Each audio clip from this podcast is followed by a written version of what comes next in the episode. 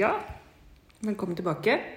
I dag har vi tatt uh, turen ut av borgen vår eh, Ja. og dratt uh, ned til Fortidsminneforeningens flotte lokaler for å treffe generalsekretær i Fortidsminneforeningen Ola Fjellheim. Og så starter vi alltid egentlig med å la gjestene introdusere seg selv litt.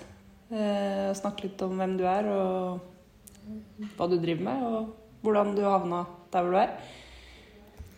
Ja, velkommen hit. Veldig hyggelig at dere har tatt turen eh, ned i Kvadraturen og til Dronningens gate 11, hvor vi jo sitter i en gammel 1600-talls bygård bygård med mye historie rundt oss. Jeg, ja, jeg tror Ola Fjellheim er generalsekretær i Fortidsminneforeningen. Har vært det i ni og et halvt år. Kommer fra Ullensaker, bor på et gårdsbruk med en haug med gamle hus. Som jeg tok over for eh, noe som nå føles veldig lenge siden. Da var det meste ruiner og greier. Så jeg satte i stand de husene, og når jeg var ferdig med å sette i stand de som sto der, så ble det noen til som jeg driver og roter litt med da, på fritida. Men til daglig så er jeg jo da ja, i praksis daglig leder da, i Fortidsminneforeningen. Som jo er en frivillig kulturvernorganisasjon med ganske sånn ja, breit aktivitetsfelt, vil jeg si. Ja, det vil jeg si. Nei, altså Fortidsminneforeningen er jo egentlig veldig spennende, fordi dere har, så, dere har så lang og spennende historie. Så jeg har egentlig litt lyst til å starte med at du drar oss litt gjennom historien og går tilbake til er det 1844. Ja, Ja. 1844. 16. desember 1844. Eller egentlig altså kunne vi si 17. mai 1844, faktisk. For da, eh, da var det jo en gjeng kunstnere. Blant annet så var jo Isedal hadde sittet i Dresden og sett liksom at eh, det han oppfatta som den norske kulturarven, var på vei til å forsvinne. Og da var de veldig opptatt av hva som var eh, altså, ting fra før dansketida, ikke sant? Så 17. mai 1844 så rykka det inn en annonse i, i avisen og sa det at nå vil vi gjerne starte en forening hvor vi skal um, jobbe for å ta vare på norske fornminner og norske kulturskatter. Og eh, 16. desember samme året så ble foreningen etablert. Og da var det jo da bl.a. Dahls eh, elev, maleren Joakim Frikk, som henger bilde av på veggen ved siden av oss her. Han har malt det. Stalheim der oppe som var liksom den som tro til for å få dette til. Da. Og det var liksom en gjeng eh, Det var jo det vi vil kalle elite i dag. En gjeng samfunnstopper, kunstnere, professorer og greier som starta Fortidsminneforeningen i 1844. Og så skulle de da jobbe for å ta vare på kulturminner, som vi kaller det i dag, og for å spre kunnskapen om dem. Ganske lenge så var jo foreningen også i praksis riksantikvar. Eh, For det norske riksantikvarembetet ble etablert i 1912. Så ifra litt ut på 1800-tallet da, og helt opp til 1912 så var det Fortidsminneforeningen som fungerte som riksantikvar i praksis. Blant annet så var det foreningen som gravde ut Gokstadskipet. Ja. Det er jo litt småsprøtt at det er liksom en, eh, en frivillig organisasjon som tar spaden fatt og begynner å grave. Det er riktig, så amatørmessig var det ikke, men, eh, men sånn funka det da. Uh, og hva med å jobbe fram eh, det lovverket som etter hvert ble en kulturminnelov og sånne ting. da. Annen ting de gjorde, de reiste rundt og tegna og dokumenterte veldig mye av det som sto av gamle bygninger. Uh, kirker, særlig stavkirker, festninger, ruiner og sånne ting. Og eh, veldig tidlig da, så satt jo Dahl i Dresden og sa det at vi må ikke finne på å skaffe dere eiendom. Denne foreningen kan ikke eie noe. Og det gikk bra i to år. Så overtok vi eh, Tautra klosterkirkeruin oppe på Tautra i Nord-Trøndelag. Og så etterpå så balla det bare på seg, da. Men eh, det måtte på en måte nesten bli sånn. da, fordi den gangen så hadde vi jo eh, mye mer stavkirker enn vi har i dag. Men så kom det nye lovverk som eh, sa at kirkene måtte være større. Etter kirkebrannen i Grue så skulle man ha dører som vendte utover. Som var gamle, stygge og tilfredsstilte ikke tidens krav, som man sa den gangen. ikke sant? Eller som vi snakker i dag. Så da skjønte de jo at skal vi få tatt vare på noe av dette, så må vi faktisk i noen tilfeller også gå inn og kjøpe de sjøl, sånn at vi eier de og kan passe på de. Så derfor eier jo Fortidsminneforeningen åtte stavkirker. Vi eier Steinvikholm festning. Eh, Vi eier ja, en haug med andre kirker og en haug med klosterruiner og litt sånne ting, da. Blant annet Nonneseter midt i Bergen sentrum, som er den eldste stående bygningen i Bergen. Den er jo Fortidsminneforeningen. Um, ja, så uh, etter hvert så har det jo blitt mer enn altså Det var jo en type sånn eliteorganisasjon veldig lenge, faktisk til rett etter krigen, vil jeg tro. Hvor det var veldig sånn tett samarbeid. Riksantikvaren satt i styret vårt osv. Men så fram mot 70-tallet, hvor kulturminnevernet åpna seg opp mye mer. Det begynte å bli en slags sånn kobling med kulturminnevern og miljøvern. Og kulturminnevernet begynte å handle om mer enn bare embetsboliger og kirker og festninger. ikke sant? Man begynte å se på at eh, jo, vi har jo noen sjøboder i dette landet som er viktig å ta vare på. Vi har husmannsplasser, og vi har noen bymiljøer ikke sant? hvor det har bodd såkalt vanlige folk. da. Eh, så da ble man mer opptatt av det, og da ble også Fortidsminneforeningen en mye breiere organisasjon mm. som, som trakk til seg mye mer forskjellige typer mennesker. Mm. Um, og den utviklingen har jo fortsatt, vil jeg si. Også fortsatt dit at eh, jo nå jobber vi mye mer med, med hva skal jeg si, ordinære kulturminner som folk opplever i hverdagen. Vi jobber mye mer med håndverk, f.eks. Og um, er blitt mer enn en, en, organisasjon som, hvor ting skjer nedenfra og opp, og ikke sånn at det sitter en uh, høy herre inne på dette kontoret her og bestemmer hvordan ting skal være. Mm. Det er veldig interessant å høre når du drar oss gjennom den historikken. fordi det sier noe om, eh, om eh, nasjonale strømninger, og det sier noe om eh, endringer i bygningsvern generelt. Og det er noen sånne symboltunge datoer som 17. mai 1844. Og jeg tenker det er jo noen linjer som går veldig til det der å skape en nasjonal identitet og, og, og, og det her med stavkirken og sånt. da. Hvor mye tror du det har Hvilken rolle har Fortidsminneforeningen spilt i liksom, oppbygningen mot det arbeidet, tror du? Det var jo en del av eh, arbeidet med å bygge opp en nasjonal identitet da, på 1800-tallet. Det er jo ikke tilfeldig eh, Asbjørnsen og Moe begynte å samle eventyr. ikke sant? Ivar Aasen jobba med språket. Mm. Og så var det jo da Fortidsminneforeningens folk som liksom skulle sette sammen en, en, en ja, hva skal jeg si, en arkitekturhistorie, for å kalle det det. ikke sant? Både gjennom ved å fortelle historiene, ved å dokumentere og ved å ta vare på byggene. Men også så tilbakeførte de jo en del bygninger. Sånn som Hopperstad stavkirke, som vi eier, den så jo helt annerledes ut. Mm. Og så rev man alt som man trodde var fra, ikke var fra middelalderen, og så bygde man en slags eh, modell av en stavkirke da, som mm. står der i dag. Så det er veldig sånn manifestert bilde på at sånn, dette var en nasjonal identitet. Og det er klart Fortidsminneforeningen var det. Ellers i verden så er jo kulturminnevern fortsatt litt der. Og jeg tenker det er fortsatt det i Norge også, men vi er ikke så bevisste. Vi tenker ikke så mye på det.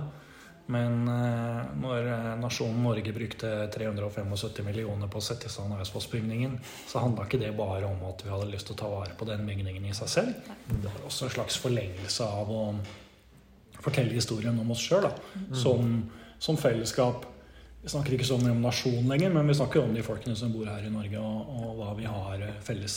Og kulturarven er noe vi har felles. Og akkurat der så er jo eiendommene deres veldig godt sånn uh, signal på endringen som har skjedd. For det er jo stavkirker, men det er jo også husmannsplasser og andre profane bygninger. da. Mm. Vi, vi har jo, det har vært sånn at foreningen i en lang periode har liksom trukket oss litt ut av dette med å jobbe aktivt med eiendom. Mm. De siste åra har vi gjort det litt igjen. At vi har gått inn og overtatt noen eiendommer her. Mm. Kommuner som har sånn, solgt ting til oss for en symbolsk sum. Og for uh, i fjor så kjøpte vi jo en husmannsplass i Vågå som har stått til forfall i 50 år, 60 år. Og skal sette den i stand. Mm. Og da er det jo å ta vare på husmannshistorien. Og, og bruke håndverkere og håndverksutvikling for å ta vare på den plassen. I samarbeid med ja, miljøet der oppe, Norsk håndverksutvikling på Maihaugen, flere som er med på det. Og den er nok egentlig en forteller kanskje litt om hvor vi er kommet hen i dag. Da. Jo, vi er opptatt av å fortsette å bruke noe som allerede eksisterer. Jobbe med de kvalitetene som er der. Det handler om fattigfolks historie. Det er jo masse freda gårdsbruk i Vågå og Lom, men veldig få freda husmannsplasser. ikke sant? Så vi må ta vare på den historien også. Og så er det håndverkerens perspektiv og det lokales perspektiv som er med å styre hvordan dette skal bli. Da. Og der er vi nok i dag. Det er det som er, det som er bygningsvern og kulturminnevern nå 2022. Mm. Det er veldig flott dette her med at man Ikke bare at det blir satt i stand, som du sier, men det blir også en læringsarena og en forskningsarena eh, på håndverk. Mm. Og det, det er veldig kult. Ja, jeg tenker det er, det er viktig. Um, Det har jo vært liksom en lekegrind for arkitekter og kunsthistorikere i veldig mange år. Det skal det fortsatt være. Men det at uh, Og det er en litt sånn unik norsk-svensk tradisjon for så vidt. En utvikling som starta på 90-tallet, kanskje 80-tallet hvis vi trekker den litt langt. Hvor, hvor håndverkerne har fått mye mer å si. da. Det betyr at håndverkerne leser byggene, de er med å ta valgene, og de er med å, å, å, å utføre det som eh, vare, ja, bestemmer hva man skal ta vare på, rett og slett, og hvordan det skal se ut. Men Fortidsminneforeningen er jo en medlemsorganisasjon. Eh, Kan ikke du fortelle litt om organiseringen der? Fordi eh, det er også veldig Dere har jo veldig en sterk regional og lokal organisering også. Vi har jo fylkeslag i, eller ja, avdelinger i alle fylkene. Egentlig litt flere fylker enn det finnes fylker akkurat i dag. Det er fordi vi har hengt litt etter. Men det er jo eh, fylkesavdelinger som er liksom eh, organiserer lokallagene i sine områder, men også jobber opp mot fylkeskommunen, fylkespolitikere, sånne ting. Og så har vi lokallag rundt omkring i hele Norge. Noen av de er konsentrert om én kommune, andre om litt flere kommuner. Og det er jo der veldig mye av aktiviteten må skje. Det er der det frivillige engasjementet er. Og der eh, foregår det jo altså Noen engasjerer seg veldig i vernesaker. Jobber med plan- og bygningsloven, påvirke utviklingen i sin kommune. Være med å definere hva som skal tas vare på. Jobbe med lokalpolitikere. Andre er da mer opptatt av bygningsvern. Eh, liksom Lage nettverk for huseiere. Kjøre kurs. Få folk til å ja, møtes og løfte fram kunnskap om hvordan man kan ta vare på gamle hus. Og så er det noen som rett og slett har liksom Ja, vi møtes en gjeng, og så gjør vi noe hyggelig sammen som har med gamle hus å gjøre. Og reiser rundt og besøker hverandre, eller reiser rundt i fylket og ser på fine ting, f.eks. En frivillig organisasjon, og det betyr jo at da er det medlemmene som skal gjøre det de har lyst til. Um, det er det som er frivillighet. Og um, det er også, så, så vår jobb her i Dronningens gate er jo først og fremst å legge til rette for at eh, lokallag og avdelinger kan eh, gjøre det de har lyst til, og få ressurser til å gjøre det. Og det betyr jo at veldig mange steder i Norge så er jo de lokallagene våre en sånn type nettverk for folk som er opptatt av gamle hus, enten at de har gamle hus sjøl, eller at de bare har lyst til å være med og, påvirke til at de blir tatt vare på. da. Og eh, det kan være veldig bra også for folk som, som eier et gammelt hus sjøl, eller er opptatt av dette her, å være medlemmer hos oss og, og bli en del av det lokale nettverket. Fordi eh, veldig mye av dette er lokalt. Ja, nå det har du jo nevnt litt om det, men jeg tenker hvis man lurer litt på om man skal melde seg inn i Fortidsminneforeningen, har kanskje gammelt hus, hvilke fordeler er det du tenker at man får da? Den viktigste fordelen er at du, får veldig fort et kontaktnett. da. Eh, særlig hvis du skal begynne med et gammelt hus og gjøre ting, så fins det folk rundt deg som har erfaringer med hvilke håndverkere som funker, hvilke løsninger som er på de gamle husene i det området vi bor. ikke sant? Mange har kanskje har du et sveiserstilt sus da, hvor pynten er vekk, og så begynner du å leite etter bilder, og så finner du kanskje ikke det, og så må du begynne å rote litt rundt i nabolaget da, for å se hvordan For det sveiserstilspynt har jo lokale dialekter. ikke sant? Det er én type i Trysil, og en annen type på Romerike og en tredje i Telemark. Og på den måten så kommer du i kontakt med, med folk som kan hjelpe deg videre, rett og slett. Eh, og jeg ser jo, Det er kanskje noe av det viktigste. Også den muligheten for å komme på, ja, være med på kurs og alt mulig sånne ting. Men først og fremst det lokale kontaktnettet er kjempeviktig. Og så det er litt sånn for spesielt interesserte fortsatt det å drive med, med gamle hus. Og da føler man seg litt mer normal når man har folk rundt seg som er opptatt av de samme tingene. ikke sant? Eh, Vi liker jo å snakke om at det vi holder på med, det er liksom en diagnose eller noe sånt. Men eh, så, så spesielt er det ikke lenger. Men samtidig så er det veldig fint å, å ha, eh, snakke med folk som er opptatt av de samme tingene. Men det her har jo Fortidsminneforeningen jobba med ganske lenge. Sånn type kursvirksomhet, eh, sterke lokallag som har jobba med forskjellige vernesaker osv. Men eh, de siste åra så har det også vært en del spennende prosjekter som har foregått eh, i regi av Fortidsminneforeningen. Ja, det har det absolutt. Vi, vi har jo vi har hatt flere store prosjekter nå sammen med Sparebankstiftelsen, hvor vi har vært opptatt av håndverk da, og tradisjonshåndverk. Og etter hvert det å få unge tradisjonshåndverkere inn i, i miljøet. Det er egentlig det det handler om. Så vi har jo nå husbruk. Eh, hvor, eh, hvor, vi rett og slett jobber med ja, yrkesfag. Eh, på, jobb mot yrkesfaglinjene. Og så kan man da se at det kanskje har vi en klasse på kurs, 15-16 elever.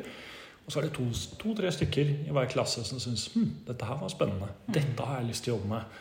Jeg er ikke så opptatt av gips og sponplater og sånn, men, eh, men, eh, lafting og tømring og kanskje tørrsteinsmuring og litt sånne ting, det er noe for meg. Så prøver vi å få tak i de, da. Og få de inn i Og så har vi en sånn, eh, et sånt nasjonalt kurs som de kan søke på. Så møtes de gjerne 20-25 stykker der og, og jobber sammen. Og så har de også stipender som de kan søke på, da, som gjør at de kan være på, på Gjerlei, på Dovre og på håndverksdagene på Røros. Så målet med det prosjektet er jo, eller programmet er å få inn unge inn i tradisjonshåndverket. Og så har jo vi utvikla litt andre ting også. Jeg snakka om det med å være litt mer aktiv på eiendomssida. Sånn vi har jo overtatt noen eiendommer de siste årene som, eh, som, vi da tenker skal settes i stand og føres videre. Både fordi de er en ressurs i seg sjøl, fordi de er kulturminner, har kulturminneverdier, men også fordi de kan være veldig fine arenaer for eh, opplæring og, og, sånne ting. da.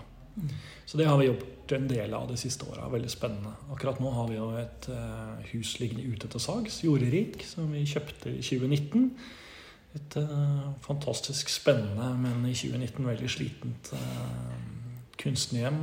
Tømmerhus på Lillehammer. Uh, opprinnelig fra 1700-tallet. Flytta til Lillehammer i 1913-14. Slitent. Nå har vi satt i stand. hatt en del kursing, og nå ligger det ute for salg. Jeg så annonsen. Det ser kjempefint ut. Mm.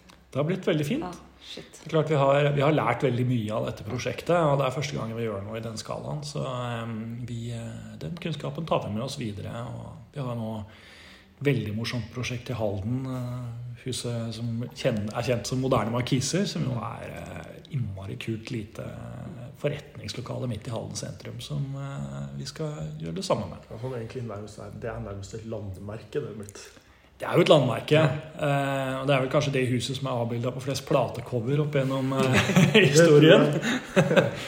og eh, når det er gammelbiltreff i Halden, så er vel nesten halvparten bortom å ta bilde av bilen sin foran det huset. Så. Men det er en veldig fin måte å gjøre seg synlig på, å synliggjøre Fortidsminneforeningen. Jo, men vi har nok litt valgt bevisst å gå inn på prosjekter som virker litt sånn mm. uh, nesten håpløse. da. Ja, ja. På den måten så kan vi vise at jo, det, det går faktisk an. Mm. Det er jo det vi gjør på Jorderik, hvor uh, hvis ikke vi hadde kjøpt det, så hadde det nok blitt revet. Mm. Uh, der har vi vist at jo, dette lar seg gjøre. Og det er litt av poenget der med moderne markiser, også med, med Karhusbakken, husmannsplassen i Vågå som alle har tenkt at nei, dette er ferdig, liksom. Her er det ikke mer å hente. Ja, så jo da, det er mulig. Det lar seg gjøre. Dette kan fikses. Ja. Mm. Men så har dere også noen spennende prosjekter som også går på eh, hva skal si, nesten. da.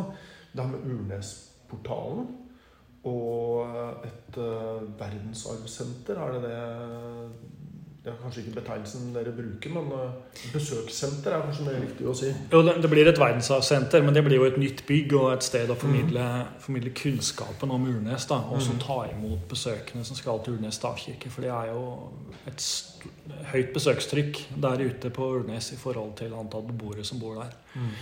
Um, nei, vi Altså før så når jeg snakka om disse stavkirkene og der man erverva de første gangen på 1800-tallet, så var man veldig opptatt av den fysiske bygningen. Og da var det kulturminne. Mens i dag så har vi måte, kommet dit at vi ser at jo, eh, kunnskapen om kulturminnet er også veldig viktig. Den er en del av kulturarven. Ja.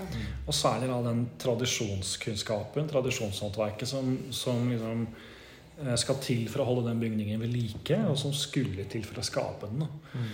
Så Urnesportalen ble jo skåret i 1070. Det er jo ikke så få Altså Det er ikke så veldig mange gjenstander vi har som liksom har beina i vikingtida. Jeg pleier å si det at eh, når det sto en der oppe og skar den, ikke sant, så kikka han ned på fjorden, og der gikk det vikingskip. bokstavelig talt, ikke sant, Og kanskje kjente han noen som var med i slaget på Stiklestad. Det er jo å strekke det litt, ja, men, men, det, er, det kan hende. Frysninger av å tenke på det. Tidsmessig så er vi der. Ja. Og nå har vi et samarbeid med, de, med tre eh, treskjærerfirmaer. Som eh, skal gjenskape hver sin del av Urnesportalen. Og så skal vi sette disse sammen, og de skal være inne i det nye verdensarvsenteret når den kommer. Og da, de, da jobber de jo med å lese verktøyspor. Verktøyspor fra 1070. Det er ganske hårete. Eh, og de skal eh, finne ut ja, hva slags verktøy brukte treskjærerne.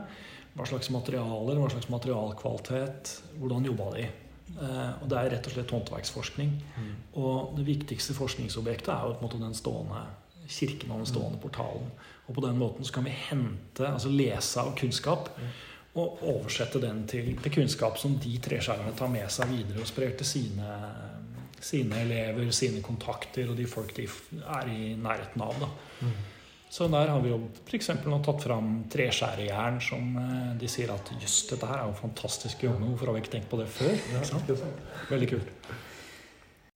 Ehm, et annet veldig kult prosjekt som, eh, som, dere holder i, er jo det som heter Lys i gamle hus. Mm.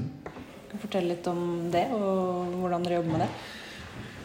Altså, vi, eh, vi har lenge hatt lyst til å gjøre noe opp mot veldig mange av de tomme plassene som står rundt omkring i Norge. Eh, de fleste av de er jo i Bygde-Norge og i steder hvor det flytter folk fra. Um, og det er jo fantastiske ressurser. En ting er at det er fantastisk kulturminneverdier i dem, men det er jo bruksressurser, og det er jo nydelige ting. Og det er jo bygninger og tun og sånt som har en stor verdi, egentlig. Og ja, F.eks. at vi bygger så vanvittig mye hytter i Norge, mens det da kanskje gjerne bare er noen hundre meter bortafor så står det et tun og ramler ned, som egentlig er fantastisk. Det er jo paradoksalt. Mm. Så vi hadde lyst til å gjøre noe i den gata, og, og rett og slett prøve å liksom drive stedsutvikling. da. Bidra til stedsutvikling, bidra til tilflytting til bygda og aktivisering. Bokstavelig talt lys i de gamle husene. Mm. Eh, på en eller annen måte. Og så kom kom denne Nordmann-rapporten, hvor de da foreslo at man skulle betale folk for å, et rivetilskudd, rett og slett. Og da uh, satte vi oss ned og tenkte at nei, dette, nå må vi gjøre noe her. Mm. Så vi har jo rigga et prosjekt hvor vi har et samarbeid nå med fem kommuner. Ja. Riksantikvaren har vært veldig ivrig på å støtte dette prosjektet. og Ser at det er, eh, det er et godt prosjekt som kan oppnå mye spennende. Og i de fem kommunene så har vi en lokalt ansatt som skal jobbe med å se på hva fins av sånne tomme hus lokalt. Kartlegge, rett og slett. Og så begynne å, gå litt i dialog med eierne for å se er det noe av dette som kan selges på en eller annen måte, sånn at vi kan få det ut til et marked og få, få folk som er interessert til å, til å ta det i bruk igjen. For det er jo en veldig stor interesse fortsatt for altså, småbruk, ødehus, sånne ting. Og, og folk som gjerne vil, eh, vil, ut på bygda og bo der og leve der og ta med seg ressursene sine, både i form av arbeidskraft og kunnskap, ut. Så det er jo foreløpig, eh, Vi har hatt et forprosjekt en stund da, for å få dette opp og gå. Så nå er vi fullt i gang med de fem kommunene. Og, og eh, det ser veldig spennende ut. altså. Og Samtidig da, så jobber vi jo med sosiale medier for å vise fram sant, hva, hva fins der ute. Og ikke minst hva er mulig å gjøre med det som fins. Og er jo liksom Godt istandsatte hus er jo veldig gode forbilder å, å vise fram. Og det flotte er jo nå at uh, dem finnes det etter hvert ganske mange av. Dette er det mange som holder på med. Mm. Det er veldig gøy. Ja. Det anbefales å sjekke ut. Mm. Lys i gamle hus. Det er vel en egen Instagram-konto? Det er en Instagram-konto, en egen nettside og en uh, Facebook-side, for å kalle det det. Og um, det blir jo spennende etter hvert å se når vi begynner å få liksom, fart i disse fem kommunene og begynner å få opp noen eksempler, så håper vi jo at dette vil, kan utvides litt etter hvert. Mm. Vi ser at det er mange andre kommuner også som er interessert og gjerne vil være med. Ja, det er kjempefint. Og her er jo også lokallagene våre viktige. At de kan være med og, og, eh, være et nettverk for de som eventuelt da flytter til eh, steder som de har lyst til å sette i stand. Mm. Alt henger sammen.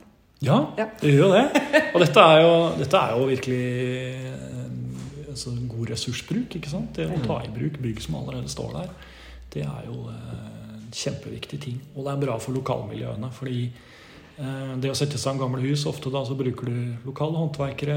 Du kjøper materialene lokalt. Mm. Det bidrar veldig godt til den lokale økonomien. Mm. Så eh, alle utkantkommuner bør egentlig være kjempeivrige på å hive seg på dette prosjektet, for her er det veldig mye bra effekter å ta ut. Mm. Jeg tenkte, Nå har vi jo starta på 17. mai 1844 og snakka litt om Fortidsminneforeningens historie og litt om prosjektene driver.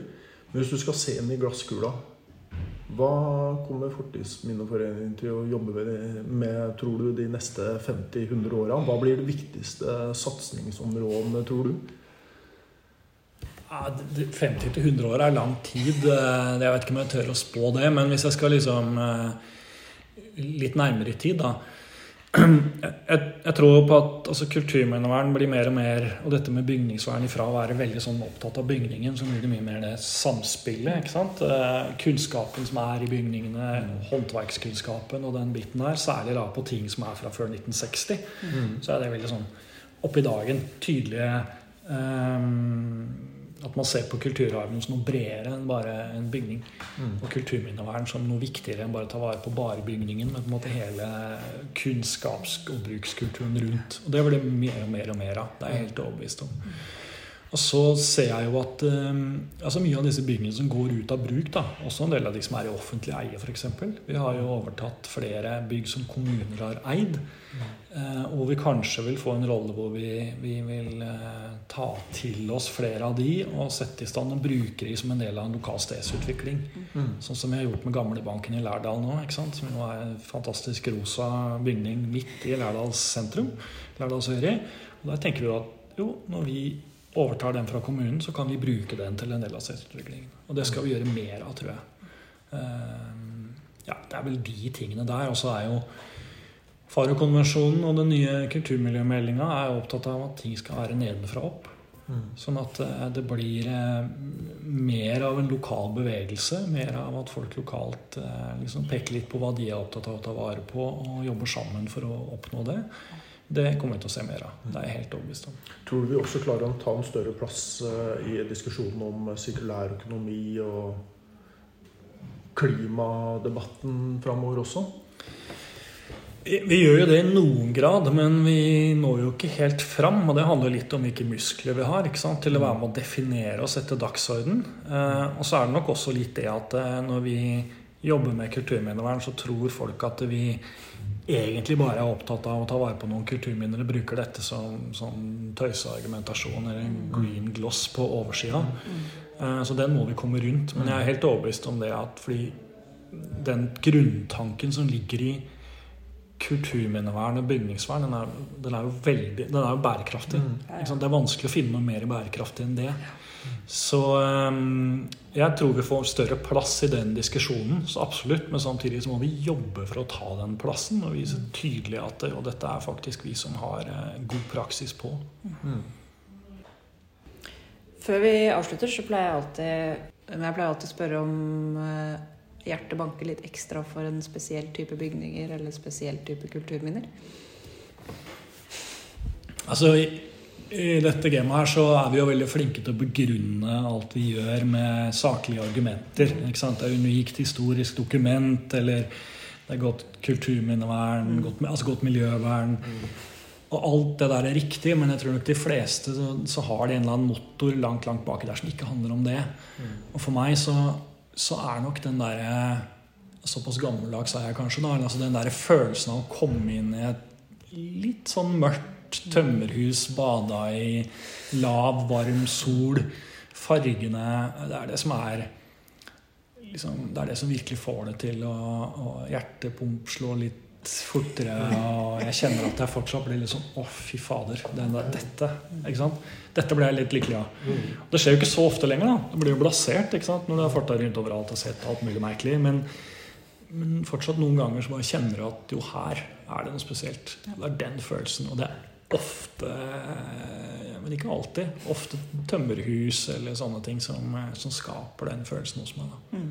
Men jeg var, jeg var, så heldig Det er jo fantastisk med de tingene du ikke har opplevd, for de kan jo liksom komme til første gang. Jeg var på Utstein kloster eh, sammen med ungene i fjor sommer, og det var en fantastisk opplevelse. Og der handler det om steinbygget, kulturlandskapet. Ja, så er, de der helhetlige opplevelsene, de, de er fantastiske. Mm. Der er det nok noe, ja. jeg tror vi alle har det. Du, Det tror jeg var en veldig fin avslutning. Ja, det tror jeg også. Tusen takk for at du Ja. ville være med, Ole. Og takk for at vi fikk komme.